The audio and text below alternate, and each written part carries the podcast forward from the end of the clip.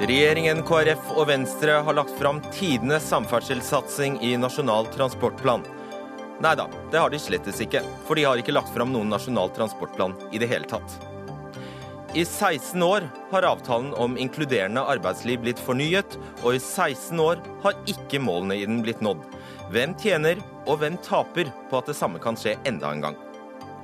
Tine tar gebyr for å levere melk til nærbutikken på bygda til bøndene som kjøper melka si i den samme butikken. Og zero betyr ikke nødvendigvis null sukker, og absolutt ikke null kalorier.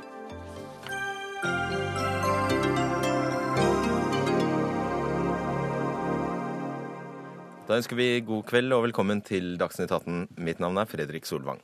Dobbeltspor, firefeltsveier og tunneler satt løst da regjeringen reiste land og strand rundt denne uka og skjenket sjenerøse samferdselsgaver. Regjeringen, KrF og Venstre vil bruke 1000 milliarder kroner i Nasjonal transportplan mellom 2018 og 2029. Og nesten halvparten skal gå til togsatsinger. Ketil Solvik-Olsen, samferdselsminister fra Fremskrittspartiet. Og dette er en nær en dobling av nåværende nasjonale transportplan. Det er nesten så man får lyst til å si wow og gratulerer. Jeg er i hvert fall veldig fornøyd på vegne av regjeringen, KrF og Venstre for at vi har funnet enighet om så mange punkter. Litt gjenstår, det er mange sider med tekst fortsatt vi skal gå gjennom. Men eh, samtalene diskusjonene har gått så bra at vi nå kan si at dette får vi til. Ja, Har du lagt frem en nasjonal transportplan? Vi legger den fram før påske. Har du ikke lagt frem en nasjonal transportplan? Nei, den, kommer, den legges fram i statsråd før påske. Ok, Hva var det du gjorde i dag, da? Jo, Vi legger fram mange av de enighetspunktene som vi vet at dette er nå avklart. Hvorfor det? Fordi at vi mener det er viktig å allerede nå få samfunnsdebatten. Hva er det du ikke forteller oss?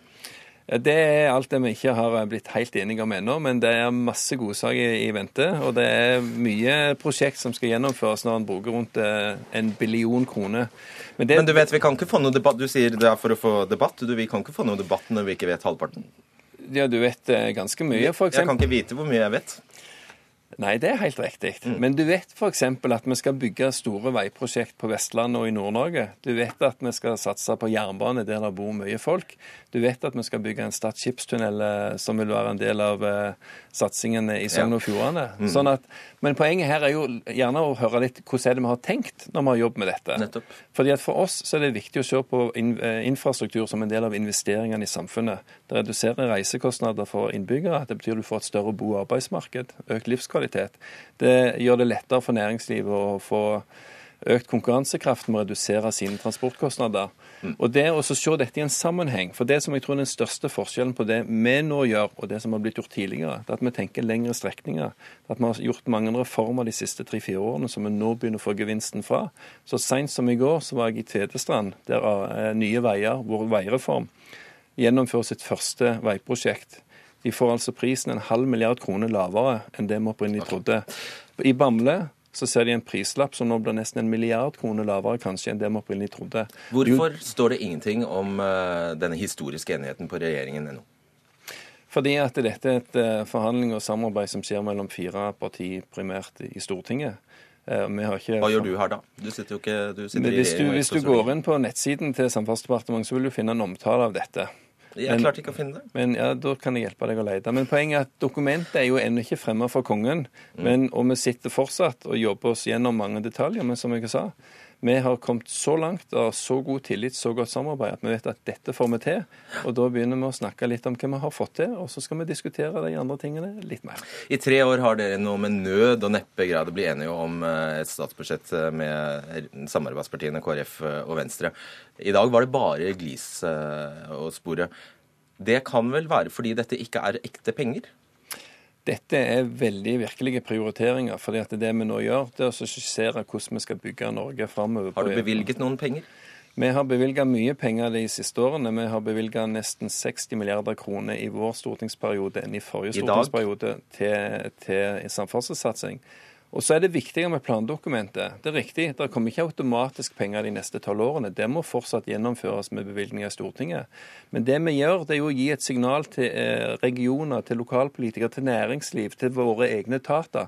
Hvor er det vi tror vi skal bygge ting først? Hva er det som er viktig? Hva helhet skal Det skjønner jeg, men for alt du vet, så har ikke du jobb om et halvt år. Det kan godt være så oppfordring til velgerne å gjenvelge meg, sånn at jeg får fortsette prosjektet. Du, men, viktig men, spørsmål. Hvem skal betale? Ja, Alt som skjer, som staten gjør, er jo til slutt skattebetalerne som betaler på en eller annen måte. Null bompenger, altså? Bompenger òg betales av skattebetalerne, bare at det da kalles de bilister. Mm. Så Derfor er det viktigere for meg at for, okay, hvis, du, hvis, du, er opptatt av bompenger, det vil bli bompenger. Jeg liker mye? Ja, Det gjenstår å se, men det vil bli For det er noe av det du ikke forteller oss i dag. Jo, men la meg få, Hvis jeg får fullføre ja, setningen, skal du få vite så utrolig mye okay. mer. Bompenger, Det vil være bompenger fortsatt. Jeg liker det ikke som Frp-er, men vi ser hvor stortingsflertallet ligger, og derfor blir det en del av det. Men andelen blir mindre. Hvor stor andel? Andelen blir mindre, så får dere vite det senere. All informasjon vil komme etter hvert som vi får satt punktum og sagt at nå kan den eh, delen av kapittelet Det er derfor det er litt håpløst at vi ikke vet sånne ting i dag, sånn at vi kunne hatt en debatt. Forrige nasjonale transportplan f.eks. var bompengeandelen 36% Blir det mer eller mindre i dag? Nei, bompengeandelen var høyere enn den var 43-44 okay, Dette er fra Wikipedia, da beklager jeg det. Ja. Hvor høy blir den, da? Den blir lavere. Den begynner på tretallet, ikke på firetallet. Okay. Men, men, men, men igjen poenget. Vi har altså brukt nå, jeg, jeg har brukt tre og et halvt år som samferdselsminister på å reise rundt, på å forberede meg til dette. Vi har brukt fire måneder sammen, Høyre, Venstre, KrF eh, og Frp, for å sitte og diskutere hvordan er det vi ønsker å bygge Norge. Få balansen mellom vei- og jernbaneutbygging. Jernbane har sin rolle i infrastrukturen, vei har sin rolle, eh, fly eh, og båt. Det å sørge for at vi ser hvor behovene er størst. Det at du bygger strekningene lange nok til at du kan legge eh, veitraseen utenfor byen istedenfor gjennom byen. Det at du sørger for at du har en plan på hvordan du utvikler byene når du legger jernbanestasjonene der. Det er jo det som er det virkelig interessante her. Det å sitte og diskutere en million her og en million der, det er for så vidt viktig i mange lokale sammenhenger. Men når vi skal se på Nasjonal transportplan, så er det jo hvor er det vi vil med samfunnet vårt de neste tolv årene. Og på mange av disse områdene peker vi òg fram mot 2050. Det skjønner vi. Uh, hvor mye kutter denne nasjonale transportplanen klimagassutslippene? I noen sammenhenger så vil du se litt økte utslipp mens vi bygger ting. Men det er jo fordi at når jernbanen står ferdig, så vil folk ha lavere utslipp med å transportere seg. Mm. Det å bygge ferjefrie strekninger betyr at du kan fjerne en del forurensende ferjer. Hvis vi tror at vi har utslippsfrie biler om en generasjon, så vil, har du eliminert utslippene. Så hvor mye kutter denne nasjonale transportplanen klimagassutslippene? Ja, vi har ikke det i eh, på måte, kilo og tonn, men eh, Har du ikke regnet på det? Jo, jeg kan gi deg et perspektiv, igjen hvis du lar meg fullføre. Eh, hvis vi ser det, Der avbrøt jeg deg ikke, forresten. Hvis vi, eh, hvis vi får lov til også Hvis vi ser den utviklingen som nå skjer på, på elbiler og hydrogenbiler, framskriver den og tror at de virkemidlene vi har, vil forsterke dette, så tror vi at vi kan eh, kutte CO2-utslippene fra transportsektoren opp mot 60% innen 2030. 60% Men i tonn, hvor mye Du har ikke tall på hvor mye denne NTP-en vil kutte klimagassutslippene? til Vel, eh, Transportsektoren er en av de største sektorene når det gjelder CO2-utslipp. og Det å kunne kutte de utslippene opp mot 60% det er ganske betydelig. Da har vi nådd Parisavtalens krav ganske bra.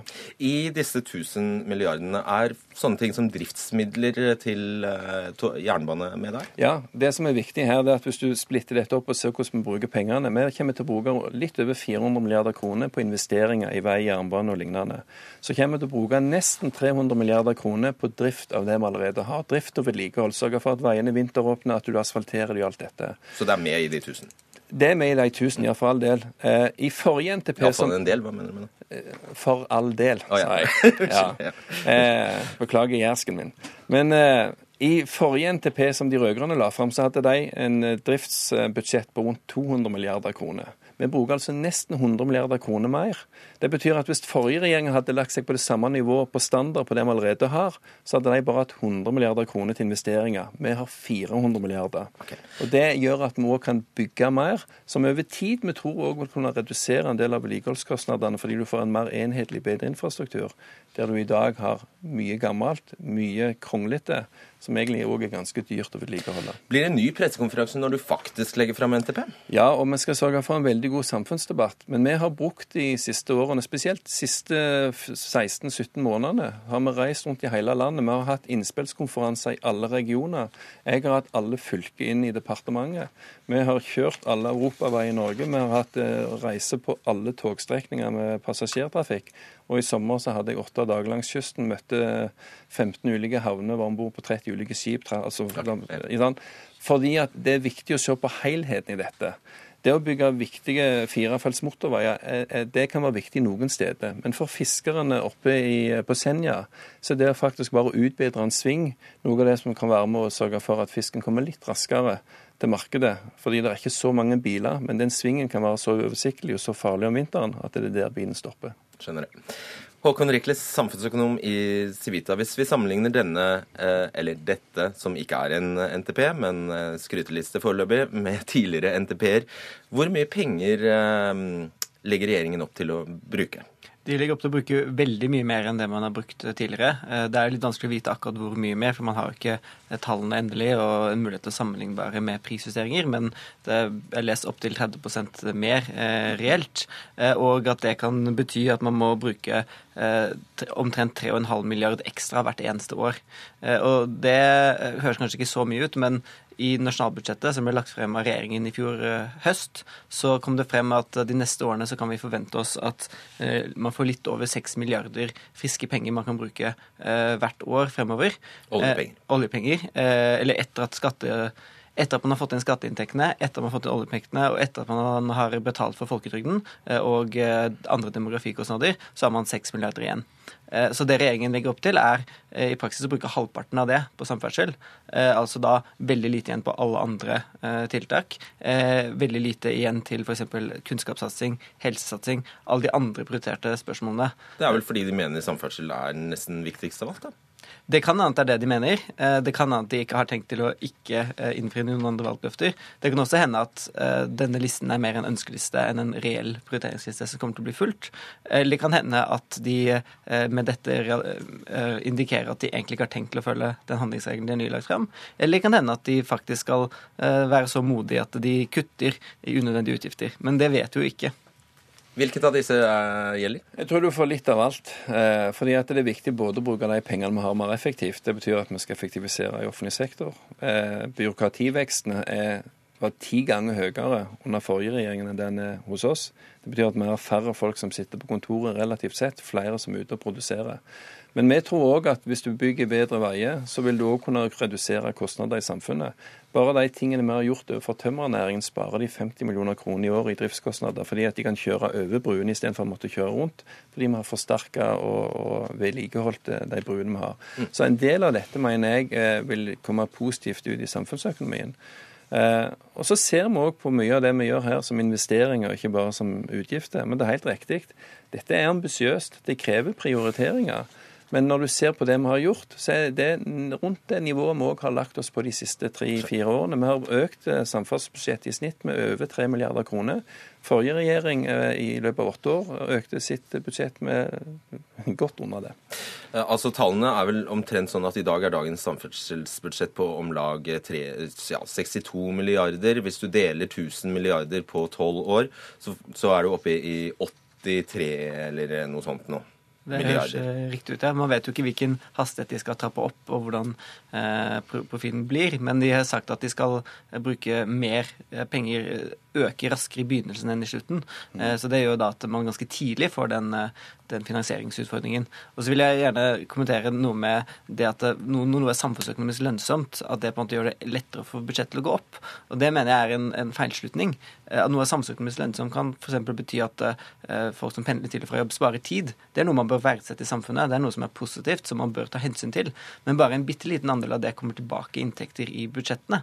Så man kan ikke betale pensjon, fremtidige pensjoner eller fremtidig helsetilbud gjennom samfunnsøkonomisk lønnsomhet. Det man betaler gjennom eh, en god og sunn finanspolitikk. Du skal få svare på det. Du, bare, men, men, jeg er helt enig i den betraktningen. Jeg er helt enig i betraktningen. Kontantstrømmen her, det tømmernæringen sparer, er ikke nødvendigvis noe jeg kan bruke som samferdselsminister, men det betyr at lønnsomheten i den næringen øker, og det skaper flere arbeidsplasser på sikt.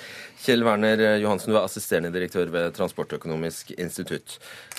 Hvilke prosjekter som du hørte om i dag, hadde du aldri hørt om før? Nei, Jeg kommer ikke på noen, jeg. Eh, ikke det? Mange har du hørt Hva betyr det? Sånn. Eh, hva betyr det? Ja. Nei, dette betyr at uh, han karen her og uh, han har eh, veldig store forventninger til seg rundt omkring i landet. Det er veldig mange som ønsker store prosjekter, store investeringer land og strand rundt. Mm. så i det perspektivet så er kanskje en million millioner kroner bare rekker det bare et, et stykke på veien. Når vi også skal bruke 600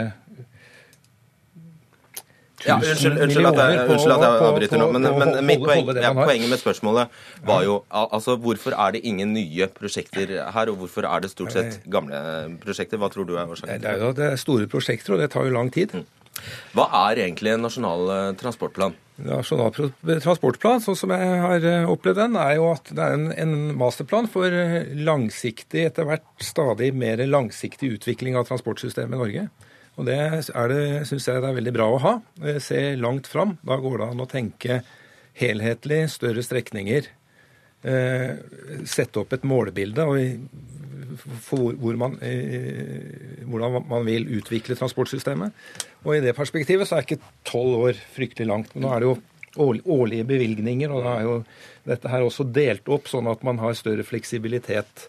Og Hvis man ser tilbake i historien, altså Den første NTP-en kom i år 2000. Hvis man ser til eh, da det begynte å hete Nasjonal transportplan, hva, eh, hvor forpliktende har de, hvor, hvor forpliktende har eh, politikerne følt at NTP-ene har vært? Min opplevelse av det er vel at det var så som så til å begynne med.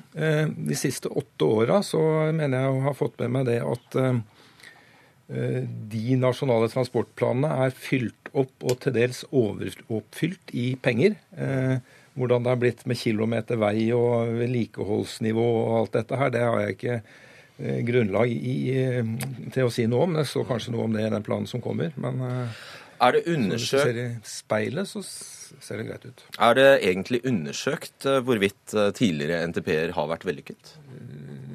Nei, jeg syns ikke Jeg kan ikke komme på at det er gjort på noen systematisk måte. Det kunne vært interessant å se nærmere på. Uh, ja, vil du kommentere? Nei, altså, Det er helt riktig. De siste årene så har han bevilget bevilga så mye penger en har lovt, stort sett. Uh, men det betyr ikke at alle prosjekter har blitt gjennomført. For noen har hatt kostnadsøkninger som gjør at en har, i hvert fall vi har satt oss ned for å se hva kan vi gjøre med prosjektene for å få kostnadene ned. Målet mitt er jo ikke å bruke mest mulig penger, men å bygge mest mulig vei. Det er helt riktig òg at selv om vi har brukt mye penger de, eh, Under forrige regjering så dobla vedlikeholdsforfallet seg på, på, jernbanen. Men under vår regjering så har vi begynt å, å ta det ned. Altså for, Økningen i vedlikehold gjør at forfallet reduseres. Men det er helt riktig som du sier, at mange av disse, det er veldig få prosjekt som folk aldri har hørt om før. Ringeriksbanen har en dog diskutert siden 1850-tallet. Det som er nyheten nå, det er at det er første nasjonale transportplan der en legger inn at det skal gjennomføres. Vi, vi prioriterer det innenfor en budsjettramme på at dette vil vi sette i gang med. Arna-Voss ja. har vært diskutert i mange, mange år. De rød-grønne hadde null kroner til den prosjektet. Vi setter av 15 milliarder kroner nesten til å sette i gang bygging. Og det er forskjellen. Vi viser at det er innenfor ei ramme som kommer til å vokse hvert år etter vårt anslag, rom for å begynne å bygge dette, og ikke bare snakke om det. Når statsråden sier 'sette av', Rikles. Har han sine ord i behold? Det, sette av, altså De har jo da innenfor den, den rammen de har satt, uh, valgt å prioritere. Men prioritere er på en måte feil uh, ord å bruke, fordi transportetatene hadde forskjellige forslag de kom med, og det største forslaget var på litt over 900 milliarder. Når de nå varsler at de skal bruke omtrent 1000 milliarder, så betyr det at de har tatt absolutt alt som transportetatene hadde i sekken, og litt til. Uh, så de har jo egentlig ikke uh, valgt vekk noen prosjekter. De har kanskje til og med lagt til noen prosjekter. Så, så graden av prioritering er jo veldig lav. Og det gjør jo, har jo også en, en resultat i hvor lønnsomt resultatet er i andre enden av det transportetatene foreslo opprinnelig, så eh, var det en lang liste hvor eh, de første tingene på listen var lønnsomme. Man kom ganske raskt ned til prosjekter som var ulønnsomme. Eh, og når man tar absolutt alle prosjektene som er tilgjengelig, og vel så det, så blir det gjerne sånn at da kommer det veldig mange ulønnsomme prosjekter med, og da kan man fort ende opp med at i snitt så får man mindre igjen eh, enn én krone for hver krone man bruker. Det har også vært eh, gjennomgangssonen i, i, tidligere NTP-er. At man ikke har klart å prioritere etter samfunnsøkonomisk lønnsomhet, og at man har endt opp med eh, et netto nyttetap for samfunnet ja. på, på, de investeringene man har gjort. Og nå har du jo fremdeles ikke vist oss hele nasjonal, den nasjonale transportplanen din, så vi vet ikke hva du eventuelt har prioritert vekk. Men du kan jo få si det. Nei, men det, det er riktig at eh, vi klarer ikke å løse alle samfunnets infrastrukturutfordringer på tolv år. Uh, vi kommer nok som samfunn alltid til å ville prioritere mer. Sånn at her er det veiprosjekt som jeg gjerne skulle ønsket inn, eh, men som rett og slett innenfor selv 1000 milliarder Gi et eksempel på det. Jeg skulle gjerne sett at vi hadde bygd ferdig alt på E134 f.eks. på tolv år. Det klarer vi ikke. fordi at du skal òg bygge veldig mye på E39 og E6. Og, og når jeg har reist rundt, så ser jeg jo enorme mangler rundt omkring. Eh, så vi får ikke gjort alt, men tempoet kommer til å være høyere. Rett og slett fordi at vi setter mer, mer penger eh, til det. Ålreit. Ja, veldig kort. Problemstillingen som han svarer på, er eh, at han ikke fikk plass til mer. Problemstillingen han burde svare på, er hvorfor han har tatt med alt. Når det er noen eh, prosjekter hvor man bruker én krone, så får man åtte øre igjen. Da burde man kanskje sagt at det prosjektet er ikke godt nok, og det burde du la ligge i skuffen. Det, for, sånn, jeg er òg sosialøkonom, så fra det perspektivet kan jeg være enig, men jeg kan ikke f.eks. si at må kutter kutte av et fylke, eller vi kutter av eh, en del av landet, rett og slett fordi det ikke er samfunnsøkonomisk lønnsomt å bygge infrastruktur. Det vi ofte har sett, er at samfunnsøkonomiske regnestykker ikke alltid tar inn over seg alle de potensielle fordelene som er der. Dette blir jo litt sånn gjetning, men der ser vi jo at en, en økonom som Torgeir Reve vil jo regne samfunnsgevinst på en annen måte enn ofte Finansdepartementet gjør. Fordi at vi ser hva dynamikk kan de investeringene vi gjør, skape. Ok. Ja. Vi setter strek der, og du har jo gitt meg klar beskjed om å ikke avbryte deg, så eh, det er greit. Takk. Ketil Solvik-Olsen, Håkon Rikles, Kjell Werner Johansen. For da eh, bytter dere plass med vår egen eh, politiske kommentator Lars eh, Nehru Sand. Hva syns du først om dette her at samarbeidspartiene holder en pressekonferanse om en plan de da ikke legger fram? Jeg tror nok de er verken de første eller siste som eh, kommer til å, å, lekke delvis fra en så omfattende eh, plan som den Nasjonal transportplan er. Det, eh, det, som blir spesielt, er at de ikke har noen ting skriftlig å, å vise frem.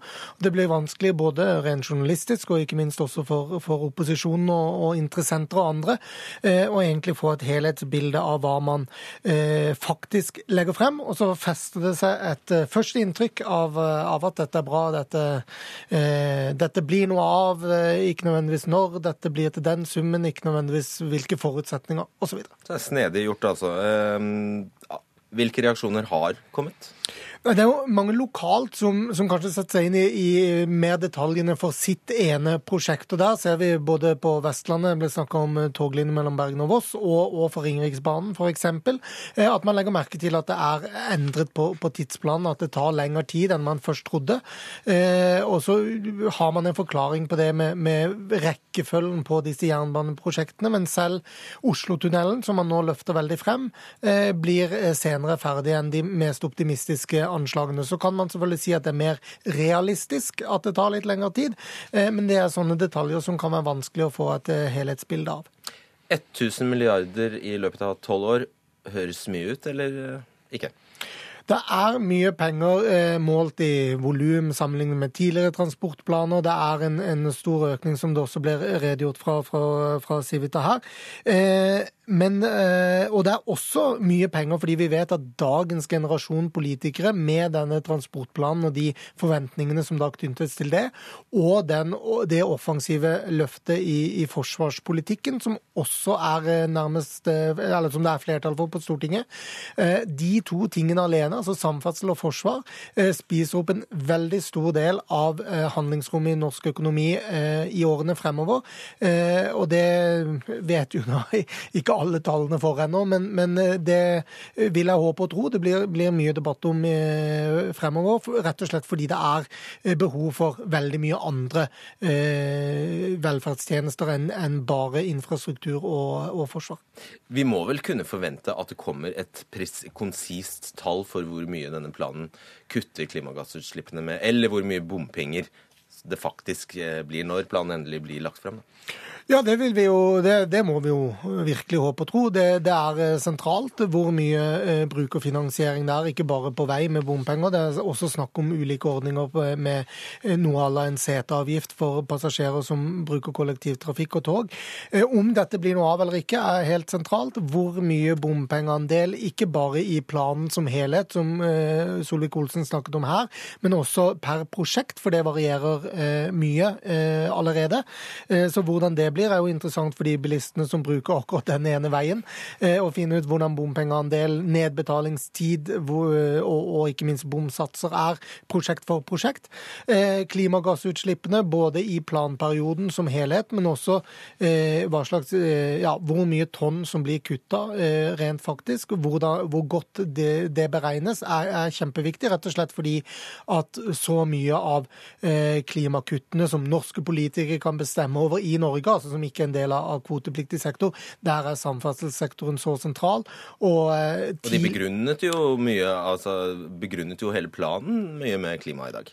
Ja, altså Poenget er at det er allerede i klimaforlik og, og tidligere planer eh, så mye sagt om at eh, all fremtidig trafikkvekst i storbyene skal tas med kollektivtrafikk, sykkel og gange, og man har lagt opp til, til ganske ambisiøse klimamålsetninger allerede. Det betyr at hvis denne eh, transportplanen ikke er god nok klimapolitisk sett, vel så ryker alle klimamålene også. Vi skal legge merke til at klimamålene gjelder frem til 2030, og mange av kollektivgevinstene i denne NTP-en kommer først når eh, prosjektene er ferdige i 2032 og videre. Lars Nehru takk.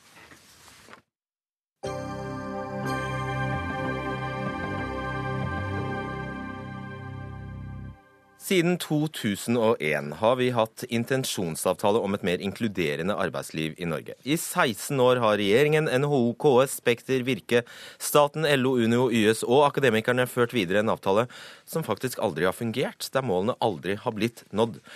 Og neste år skjer det trolig igjen selv om avtaleteksten klart og tydelig sier at avtalen opphører om det åpenbart ikke er mulig å nå alle eller enkelte av målene.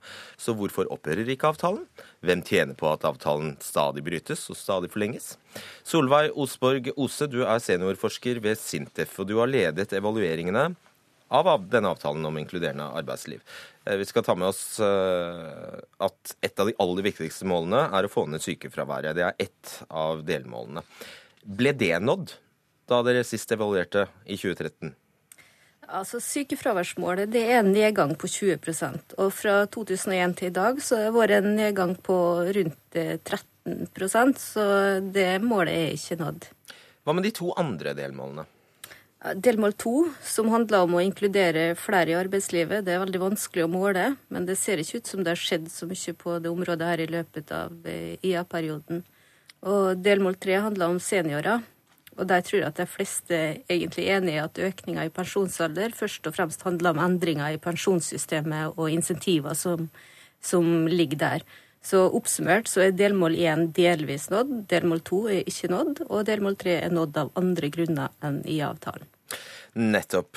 Hva er grunnen, hvis vi fokuserer på det første målet, som altså er å redusere sykefraværet med 20% i forhold til nivået i andre kvartal 2001? Hva er hovedårsaken til at dette ikke blir nådd? Altså Det er jo en langsiktig jobb. Det tar tid å få til endringer. Og Så er jo spørsmålet hva en egentlig vil oppnå. Er det et lavest mulig sykefravær, eller er det færrest mulig på langsiktige ytelser? Det å være ensidig opptatt av den mer eller mindre tilfeldige variasjonen i sykefraværet er kanskje ikke så veldig konstruktiv. Hvorfor har de avtalt seg til det, da? Nei, det er, mange, det er jo tre delmål, men det er jo delmål én som har fått størst fokus. Og kanskje må heller, partene heller tenke at, ehm, at hvis vi virkelig skal ha et inkluderende arbeidsliv der det er plass til mange som kan bidra over mange år med en arbeidsinnsats, så er det kanskje andre virkemidler enn det som har vært prøvd til noe som er viktig. Jeg har bare lyst til å sveipe raskt innom delmål to, som altså er å hindre frafall og øke sysselsetting av personer med nedsatt funksjonsevne. I det som da kalles eh, underveisrapport, eh, som, eh, en underveisrapport som ble offentliggjort i november, tror jeg, i fjor, så står det faktisk at dette er det så godt som umulig å måle. Fordi bl.a. nedsatt funksjonsevne ikke er definert i offentlig register eller statistikk, fordi det er ulovlig. Altså, Hvorfor holder man seg med et sånt delmål, da? Partene har jo jobba i mange år med å konkretisere det delmålet, men det er veldig vanskelig. Men det er jo på en måte et bilde av hva han vil oppnå. da. Han vil oppnå et mer inkluderende arbeidsliv der det er plass til flere, uavhengig av det har, uavhengig av hvilken nedsatt funksjonsevne folk har. Mm. Ok, eh, Du blir med oss videre. Eirik Fransen, du er konsernsjef i Nordkraft og tidligere administrerende direktør i Bravida. Og Bravida hadde IA-avtale i ti år, og så sa du den opp i 2011 da du var sjef. Hvorfor det? Altså Vi kom vel frem til, etter at vi hadde lang tids med det vi kalte et fravær som lå langt over et akseptabelt og langt over snitt, at IA-avtalen ikke løste det for oss. Så vi måtte aktivt jobbe for andre virkemidler enn, enn å være en del av IA. Så kan man si om hvorvidt at den var et viktig hinder eller ikke, det var ikke vesentlig. Men den løste i hvert fall ikke problemet vårt. Fordi IA-avtalen består jo av en bråte med forskjellige tiltak. Var det virkelig ingen av dem du kunne nyttiggjøre deg? Jo, det, det, gjorde vi, men, men effektene ble ikke som ønska. Vi, vi, fortsatte å ha et altfor høyt fravær, og vi hadde på det tidspunktet nesten 2000 ansatte, og vi kunne egentlig ikke leve med den utviklinga vi hadde. Så vi måtte finne helt andre tiltak. Et batteri av tiltak som vi har gjennomført siden da, med, med, med stort hell, men, men, det var ikke de som lå innenfor IA. Og da, ja, Kan du gi eksempler på det? Nei, altså, mye mer, altså, mye mer nær oppfølging. Altså, Bravida er jo som veldig mange andre store bedrifter, bedrifter, mange små bedrifter. Sånn at på hver enkelt plass så er det snakk om mye mer nærhet mellom arbeidstaker og ledelse. Så det vi prøvde å gjøre, var større grad av punktmarkering og nærhet, altså tvungen dialog, som etter hvert blir frivillig dialog mellom ansatte og ledelse. Det, det, det var det kanskje som ga størst effekt på kort sikt. Hva, hva tror du er hovedårsaken til at denne avtalen uh aldri når sine mål? Altså, intensjonene er jo veldig gode. Eh, uten, at, uten, at, jeg var med den gangen den ble laget, så, så, så, skjønner jeg jo at i utgangspunktet, så hvis man har en ambisjon om å redusere sykefraværet med opp mot 20% og ikke sette den utfordringa til det norske helsevesen, så, så implisitt må det bety at man legge til grunn at det finnes et fravær som ikke bare er helsemessig relatert. Med andre ord at, at et, et, annet form for arbeidsliv skal løse det. At man skulker? Nei, nødvendigvis ikke. Eller man blir utstøtt, kan det òg være. Men at det i hvert fall ikke er helsemessige årsaker til hele fraværet. Det, det, det, tenker jeg man har ligget til grunn. Så en fantastisk intensjon. Og det at man i tillegg klarer å få tre parter, uavhengig av hverandre, til å gå med på, på, en sånn avtale, er jo et fantastisk uh, system, egentlig. Men eh, nei, altså, det kan hende at det, altså, det, beste blir det godes fiende. Den har jo egentlig ikke i seg verken det finansielle spleiselaget, uh, er jo ikke veldig forandra. Sånn at den har jo aldri reformert selve sykelønnsordninga. Den er jo ikke bare andre regler for å liberalisere måten man jobber på. Og da, når den ikke fungerer, blir den da en sovepute? Ja, jeg, jeg, tenker at den plutselig blir en sovepute. For hvem da? blir en barriere. Nei, for, for, alle partene egentlig. Men man kan si at den gangen så var det jo staten som satt med et initiativ om at vi måtte ha ned sykefravær i Norge. Og det er jo noe som både bedrift, ansatt eh, og stat selvfølgelig er enig i.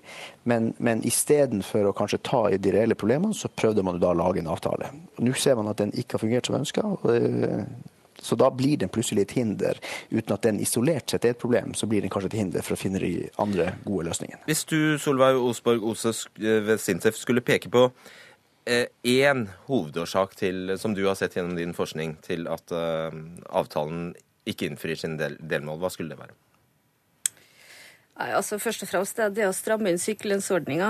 Det vil sikkert bety noe for korttidsfraværet, men det er langtidsfraværet som er problemet i Norge. Og det at det er mange på langsiktige medisinske ytelser, det er den store utfordringa.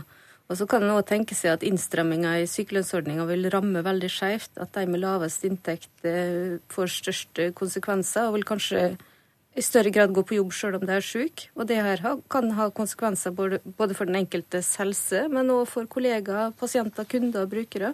Så jeg er ikke sikker på at det ville ha løst eh, situasjonen. Og det er jo òg grunnene til at det ikke er gjort endringer i sykelønnsordninga. Så det, det, er riktig det at IA-avtalen har beskytta sykelønnsordninga i 16 år. Det er helt riktig. Og da var vi over i den debatten. Inger Lise Blyverket, direktør for forhandlinger og arbeidslivspolitikk i eh, Virke, som er næringslivets nest største hovedorganisasjon, og representerer 20 000 virksomheter. I eh, Dagsavisen i dag så etterlyser du en debatt om nettopp sykelønnsordningen. Og så vet du veldig godt at det får du ikke hvis du ikke skroter IA-avtalen. Så da må du velge. Hva velger du? Jeg tror, at, eh, jeg tror nok noen ganger at det umulige er mulig. For jeg har stor tiltro til at både politikere og organisasjonene i arbeidslivet på et eller annet tidspunkt må være villige til å si at sykelønnsordningen må også være en del av den debatten som vi skal ha når vi skal diskutere om vi skal fortsatt ha en IA-avtale. For meg er det mulig å tenke seg både en IA-avtale og en endret sykelønnsordning. Da må du endre avtalen. Ja, definitivt. Og det er jo det som er det frustrerende, synes jeg.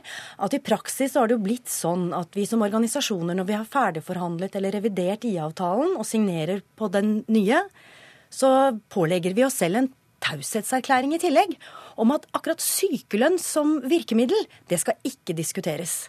Og det syns våre virksomheter er umulig å forstå.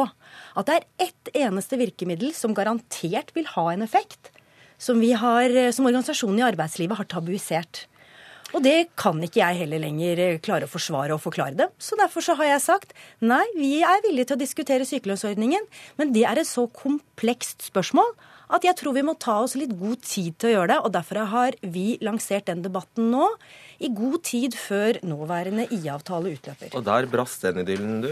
Mette Nord, leder i Fagforbundet, som da er LOs eh, største forbund med 350 000 medlemmer. Hva velger du, IA-avtalen eller debatt om sykelønnsordningen?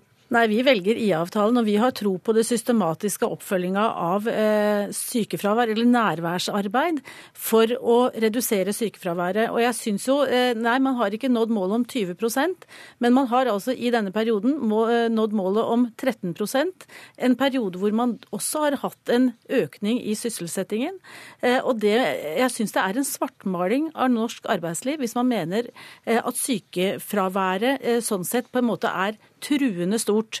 Eh, det er jo du som har skrevet det selv. Du har skrevet Kort... at målet er 20. Det er jo ingen ja, andre vi, som har gjort det. Vi har vært med på det, og vi mener jo at et videre systematisk arbeid, og det som også kom fram fra Bravida, eh, det er jo at man eh, OK, man satte IA-avtalen til side, men man jobba videre systematisk med ledelse, med oppfølging av arbeidstakerne, og opplevde at man kom lengre. Det kunne man gjort gjennom å bruke IA-avtalen systematisk, for det handler nettopp om den tette oppfølgingen mellom leder og arbeidstaker. Og Vi har et stor tro på at det er et effektivt virkemiddel. Men så må vi også tenke, fordi eh, når det gjelder sykelønn og eh, det å redusere ytelsene som, som Virke nå foreslår, så vil det altså ramme, som Solveig Osborg sier, det er de med laveste inntekter. De som ikke har muligheten til å ta med seg jobben hjem. De som har et fleksibelt arbeid, kan si at nei, jeg tar en hjemmearbeidsdag, jeg. Mens de som er på sykehjemmet, som jobber med barna i barnehagen, de må enten gå syke på jobb, eller så må de eh, eh, redusere ytelsene. Og det får store konsekvenser for den enkeltes økonomi. Og det vet du veldig godt, faktisk. Det vet jeg veldig godt, men det er heller ikke slik at jeg har sagt at vi skal kutte verken på den ene eller den andre måten. Det jeg har sagt, det er at dette virkemidlet, sykelønnsordningene, det må også være en del av diskusjonen når vi etter 16 år med ja, mål om 20 det, reduksjon ikke har klart å redusere sykefraværet. Da må vi også diskutere det. Og det kan bety flere ting. Det jeg sier er at hvis, hvis vi skal diskutere sykelønnsordningene, så må vi diskutere arbeidsgiverfinansieringen. Det har vært helt tydelig på, også overfor våre medlemmer, at det kan godt hende at vi må ha en annen innretning på arbeidsgiverfinansieringen, slik at vi f.eks. kan få større insentiver for virksomhetene til å jobbe med det lange sykefraværet. For i dag har dere bare ansvar til fram til 16. Da, 16. Ja, i utgangspunktet. Det, vil, det, er kostnader som kommer etter det også, men vi, har, vi sier det må være mulig å diskutere en annen innretning på arbeidsgiverfinansieringen. Men så har vi sagt at da må vi også være villige til å diskutere arbeidstakers sykelønnsordning. Det er helt det. riktig. Ja, selvfølgelig. Men vi har, vi har sagt det finnes det ulike måter å gjøre på. Jeg syns jo det er litt spesielt at, at vi har 100% dekning av fravær knyttet til sykdom fra første dag i tolv måneder. Mens annen type eh, trygde- og stønadsordninger ikke gir en sånn 100 dekning fra dag én eller over en viss periode. Det gjelder både arbeidsavklaringspenger, hvis du f.eks. Som er 66 for eksempel. Ja, ja, arbeidsledighetstrygd. Du er ikke nødvendigvis skyld i din egen arbeidsledighet. Og det å våge å diskutere hvordan disse stønadene og, og trygdeordningene faktisk fungerer, for å sørge for at vi får et mest mulig inkluderende arbeidsliv, og at vi får okay. flest mulig ut i arbeid. Fordi det å bli gående i et langt sykefravær, det kan føre til varig utstøting og frafall. Og da har man et stort problem, både den enkelte bedriften og samfunnet. Det er vi ikke uenig i. Men det som er eh, faren ved det du sier, det er at du på den ene siden sier nei, vi skal ikke, vi har ikke sagt noe om hva vi skal gjøre. Men så sier du neste gang skal vi ta noe, så må det selvfølgelig også tas på sykelønn. Men det som er eh, det eh, alvorlige med det, det er jo at mange som da opplever akutt, alvorlig sykdom, som har lange sykdomsforløp med alvorlige operasjoner, med cellegift, med strålebehandling, har altså sykdomsforløp som kan vare nærmere et år, og kanskje lenger. Og Hvis man i tillegg til den alvorlige sykdommen også skal ha økonomiske bekymringer for om man kan beholde hus, om man har råd til eh, si, de vanlige dagligdagse tingene, og blir satt så til side, det er altså det, det er veldig alvorlig. Og jeg syns det er altså uverdig for dagens Velstands-Norge å så begynne å ta sykelønn fra folk som faktisk eh, er i en alvorlig og sårbar situasjon. Det skjønner jeg. Se, eh, eh, altså vi begynte denne eh, seansen med, med, spørsmålet hva er grunnen til at man fremdeles tviholder på en avtale som åpenbart ikke når sine, der man ikke når målene sine.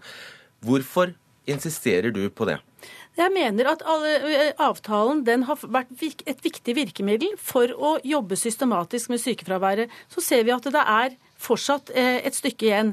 Nå er det eh, en tid til avtalen utløper, og jeg tenker at kanskje vi i fellesskap, partene, også skulle drive felles opplæring i virksomhetene. En stund til? Det er under et år til? Jo, men, men det at man da også i fellesskap driver eh, opplæring sammen om avtalen, sånn at man får et større felles eierforhold til hva man kan bruke avtalen til, og hvilke virkemiddel, aktivt virkemiddel den faktisk er. Og det er jo faktisk et insentiv i den andre enden. fordi lykkes man med et større nærvær, så vil det ha en økonomisk uttelling for arbeidsgiver umiddelbart. Men det er jo ikke sånn at vi i Virke er imot de tiltakene, mange av de tiltakene som ligger i IA-avtalen og vil skrote dem. Selvfølgelig ikke. Det er masse bra nærværsarbeid, det er masse bra knyttet til tidlig innsats. Men det er en, en utfordring når hver eneste gang vi ønsker å diskutere sykelønnsordningen, for å høre at da er det ikke lov å være syk, eller at vi skaper uverdige tilstander. De lange, lange sykefraværene som til og med kan gå utover tolv måneder, må kanskje gjøre at noen må få mer kompensasjon, mens andre igjen kanskje må få mindre. Vi må være villige til å diskutere det. Vår Våre bedrifter okay. forstår ikke hvorfor ikke det er mulig å diskutere sykelønnsordning blant partene i arbeidslivet, når det faktisk er mulig å gjøre det rundt lunsjbordet i bedriften. Det er også mulig i Dagsnytt 18, gitt. Takk skal dere ha, alle sammen. Solveig Osberg Ose, Inger Lise Blyverket, Mette Nord og Eirik Fransen.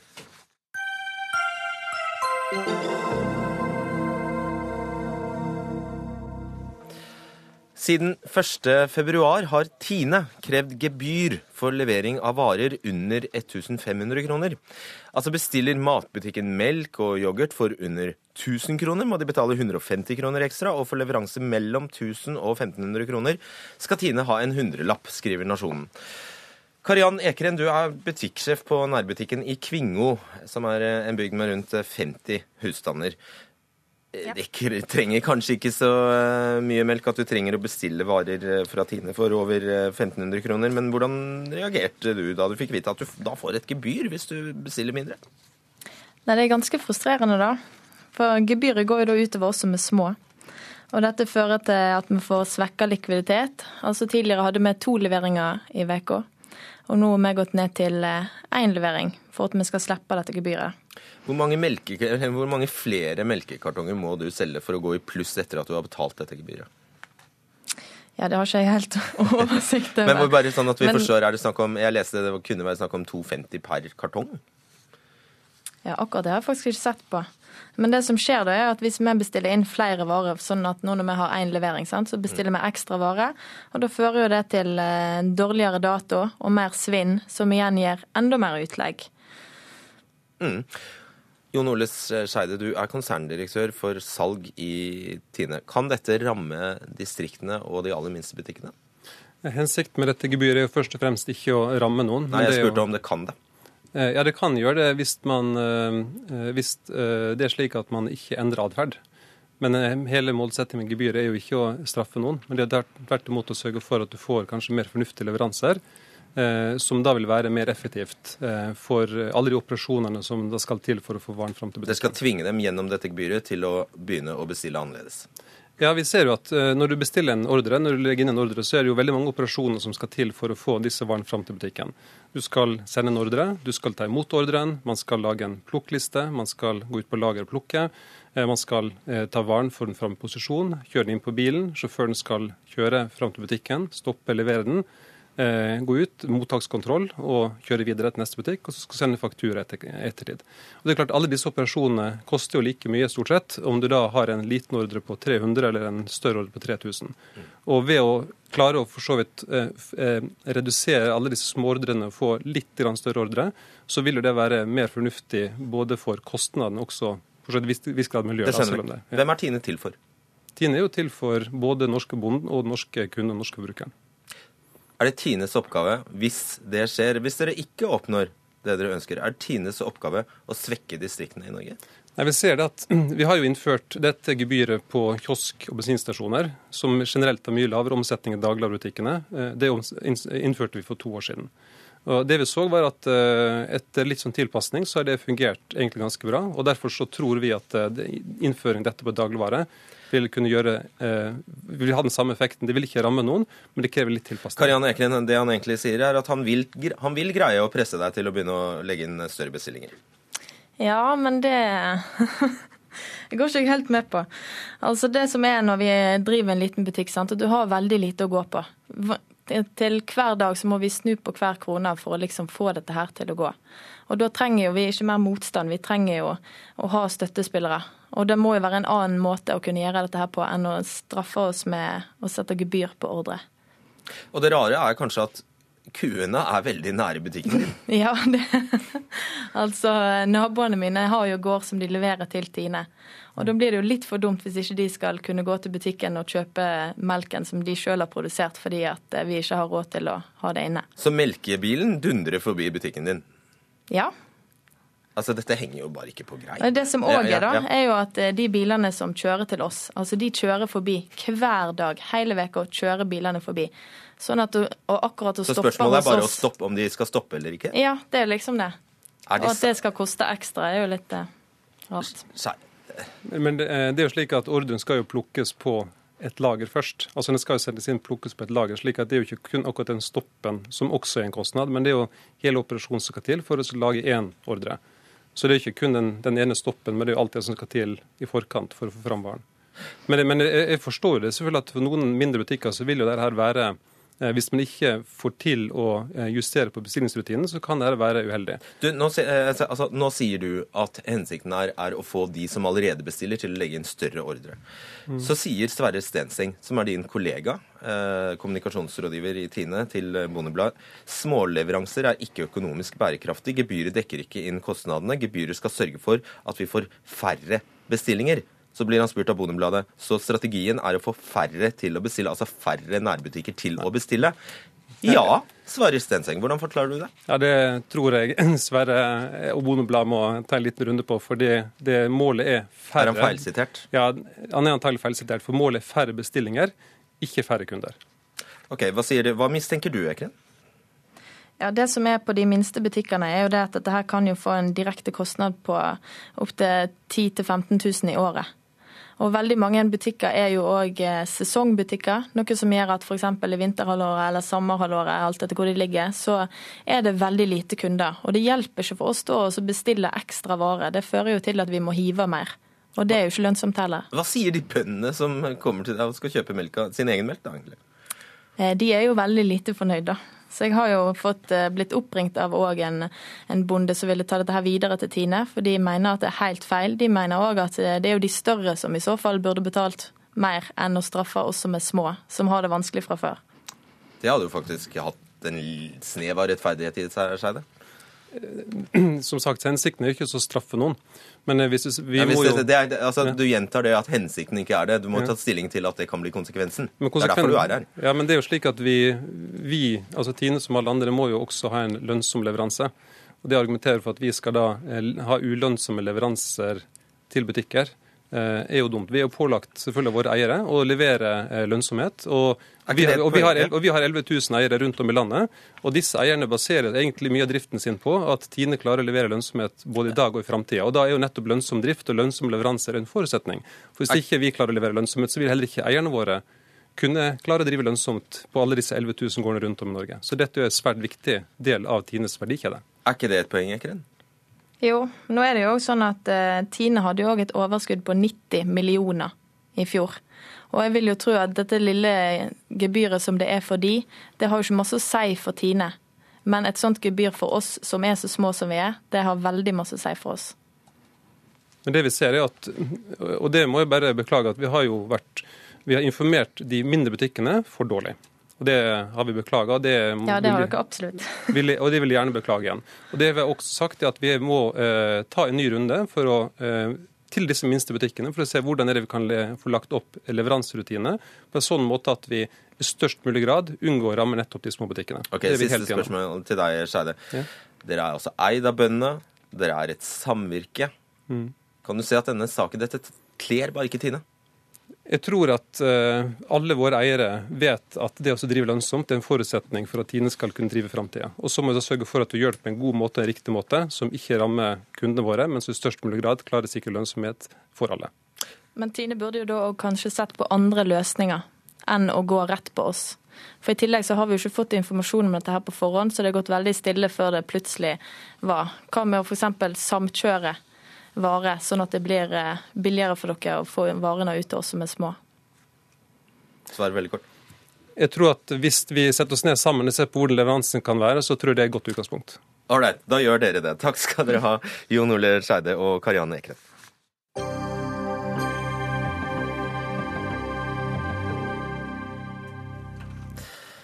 Matkontrollen på TV 2 har undersøkt flere produkter merket med Zero for å se om det stemmer at de virkelig inneholder zero eller zero, null sukker. Og ikke overraskende, kanskje, det gjør det ikke. Både vaniljesaus, Nugatti, yoghurt og iskaffe merket Zero inneholder faktisk sukker og kalorier. Eh, Linn Anne Bjelland Brunborg, eh, leder for ernæring og sunnhet i Orkla Foods Norge. Dere i Orkla produserer bl.a. dette Nugatti Zero. Eh, der står det at den er helt uten tilsatt sukker. Yep. Men så har altså matkontrollen funnet at jaggu inneholder den ikke 18 sukkerbiter. Hvordan ja. forklarer du det? Du, eh, Vi har eh, et fokus på å eh, bidra til en bedre folkehelse i Norge. Dette har vi jobbet med kjempelenge. Og Et av de store problemene er jo definitivt at vi spiser for mye sukker, mange av oss. Og I Nugatti Zero så har vi tatt ut alt det hvite tilsatte sukkeret og det må jo vi erstatte med noe, så vi erstattet det med ekstra melk, ekstra hasselnøtter, ekstra kakao. Og de bidrar med naturlige sukkerarter. Så zero betyr overhodet ikke null? Det betyr null tilsatt sukker, men det betyr ikke null sukkerarter. Skjønner. Det, ja. Mette Svendsen, klinisk ernæringsfysiolog ved Oslo universitetssykehus. Bryr kroppen seg om det er tilsatt eller ikke tilsatt sukker? I forhold til kalorier så gjør det ikke det. Eh, men i forhold til hvordan eh, noe av dette sukkeret blir behandla i kroppen, så kan det ha betydning. Hva betyr det? At jeg blir like feit av den typen eh, ikke-tilsatt sukker som tilsatt sukker? Ja, når det gjelder kalorioverskudd, hvis man spiser for mye eh, kalorier enn det man eh, trenger, uansett hvor det kommer fra, så vil man gå opp i vekt. Hva syns du da at Orkla merker Nugattien sin med zero og får meg til å tro at her må det være null kalorier? Det som er um, utfordringen her, det er at Orkla har sitt på det tørre. Det er null tilsatt sukker. Og så kommer det jo da an på hvordan vi som forbrukere ønsker å tolke det.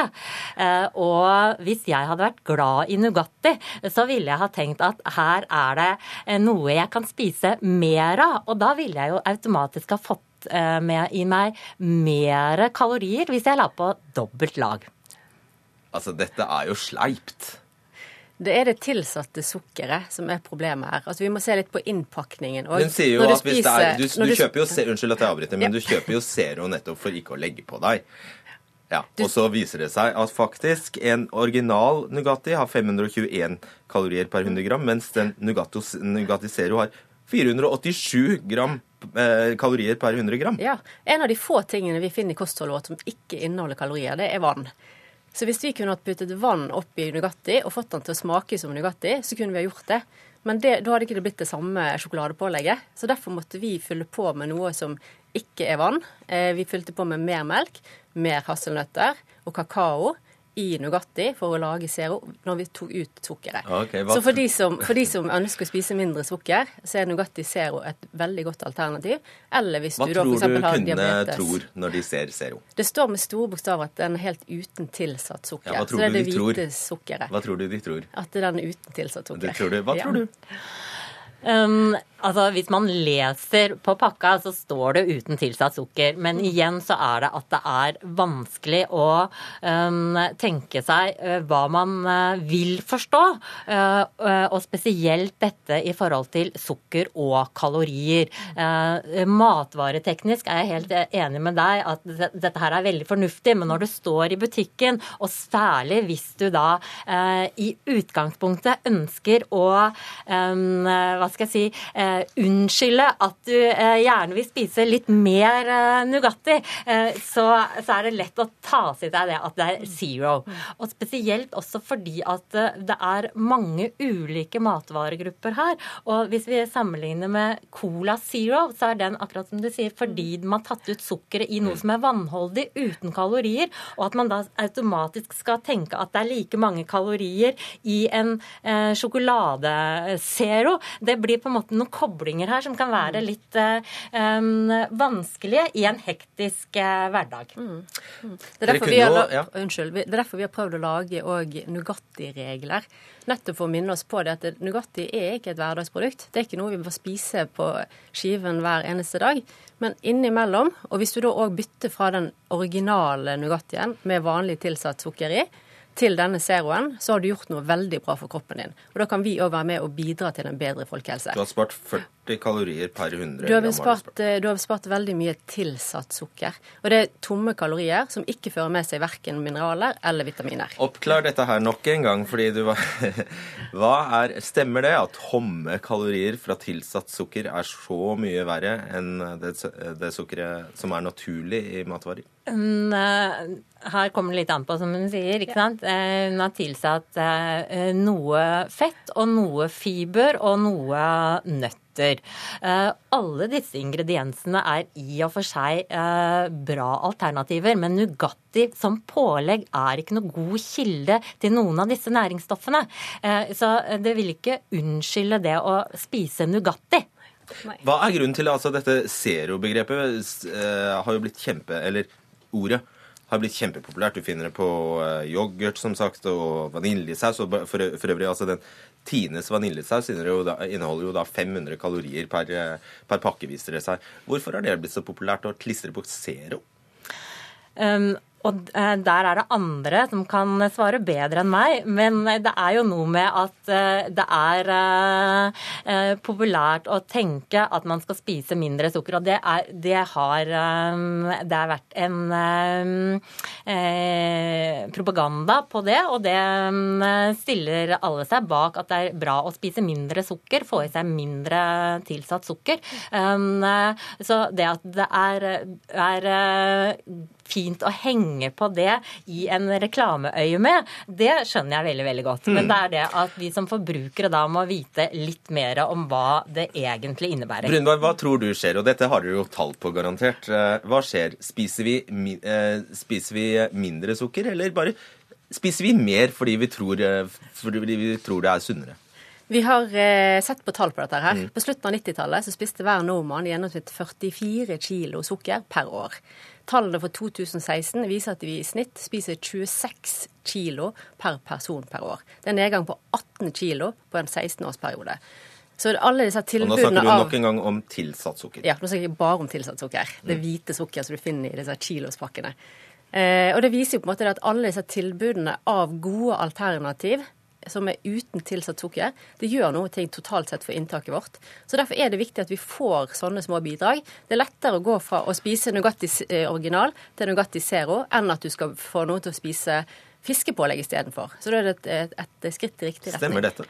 Eh, Jeg syns vi skal moderere litt.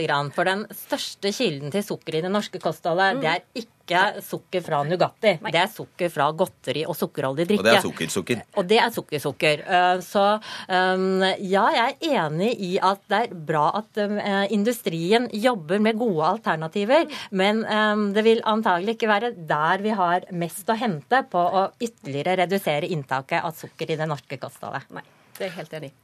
Så fint, da. Da er alle enige. Takk, Linn Anne Bjelland Brunborg og Mette Svendsen, som var de siste gjestene i denne Dagsnytt 18-sendingen. Ida Tune Øresland, Erik Sandbråten og Fredrik Solvang takker for seg og ønsker god kveld.